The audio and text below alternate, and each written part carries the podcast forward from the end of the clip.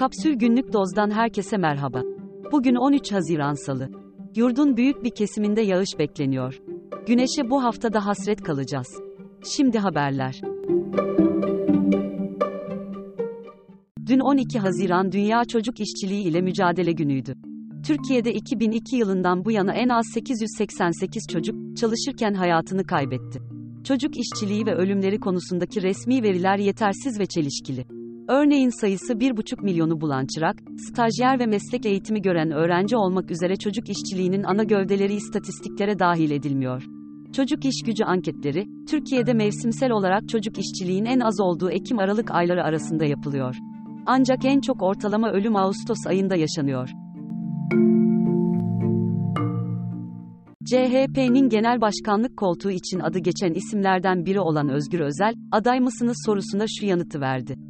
Sorumluluk almaktan kaçmayacağım ama fedakarlıktan da geri durmayacağım. Parti kimsenin önünü kapatmamalı. Olmam gereken yer neresiyse orada olacağım. Genel başkan adaylığı ise genel başkan adaylığı. İçişleri Bakanlığı'nın ihbarı üzerine İBB Başkanı İmamoğlu hakkında, ihaleye fesat karıştırma suçlamasıyla dava açıldı. İmamoğlu hakkında 7 yıla kadar hapis cezası ve siyasi yasak istenen davanın ilk duruşması 15 Haziran'da görülecek. Gezi davası kapsamında tutuklu bulunan mimar Mücella Yapıcı, maruz kaldığı muamele nedeniyle hastaneye gitmeme kararı aldı. Türk Diş Hekimleri Birliği, yapıcıyı kelepçeli şekilde muayene eden diş hekimine uyarı cezası vermişti. Küresel piyasalarda bu hafta faiz kararları açıklanacak. Merkez bankaları haftasında dikkatler Fed ve Avrupa Merkez Bankası'nın alacağı kararlarda. TCMB'nin seçimlerin ardından yapılacak ilk PPK toplantısı olan 22 Haziran'da faizleri yükseltmesi bekleniyor. ABD Bankası Goldman Sachs, Türkiye için ideal faiz oranının %40 olduğuna ilişkin analiz paylaşırken, Deutsche Bank politika faizinin %25'e çıkarılmasını bekliyor. JP Morgan'ın beklentisi %25, Society General'in ise %15. JP Morgan, kredi koşullarının sıkılaşmasıyla birlikte Türkiye ekonomisinin bu yıl resesyona gireceğini tahmin ediyor. Bankacılık kaynakları, 3 aya kadar vadeli TL mevduat hesaplarına uygulanan faiz oranının %47'ye kadar yükseldiğini söyledi. Tüm Girişimci Emlak Müşavirleri Derneği Başkanı Hakan Akdoğan, gayrimenkulde fiyatların %20 artabileceğini söyledi.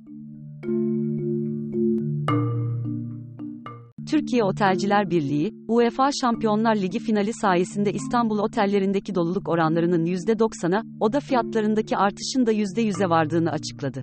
Maç nedeniyle şehre gelen turistlerin harcadığı döviz miktarı ise 120 milyon dolar. Eski İtalya Başbakanı Berlusconi yaşamını yitirdi. 86 yaşında ölen Berlusconi, 1994'te siyasete atılmış ve farklı dönemlerde 4 kez başbakanlık koltuğuna oturmuştu. Geçen Eylül ayında İtalya Senatosu'na seçilen Berlusconi, 1986'dan 2017'ye kadar 2 yıl hariç Milan'ın başkanlığını da yürütmüştü. İki evliliğinden 5 çocuğu bulunan Berlusconi, birçok seks ve yolsuzluk skandalları ile gündeme gelmişti. Kolombiya'daki Amazon ormanlarına 1 Mayıs'ta düşen uçaktan kurtuldukları düşünülen 4 kardeş bulundu.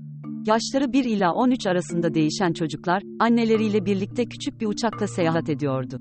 Yerli Huitoto kabilesinin üyesi olan çocuklar, ormanda meyve yiyerek ve uçağın enkazından buldukları bir çeşit unu tüketerek hayatta kaldı.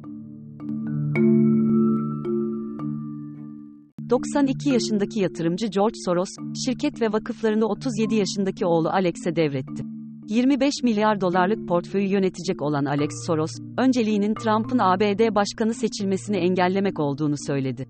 ABD'de demokratların en büyük destekçisi olan Soros, sol eğilimli siyasetçileri desteklemeye devam edeceklerini de açıkladı.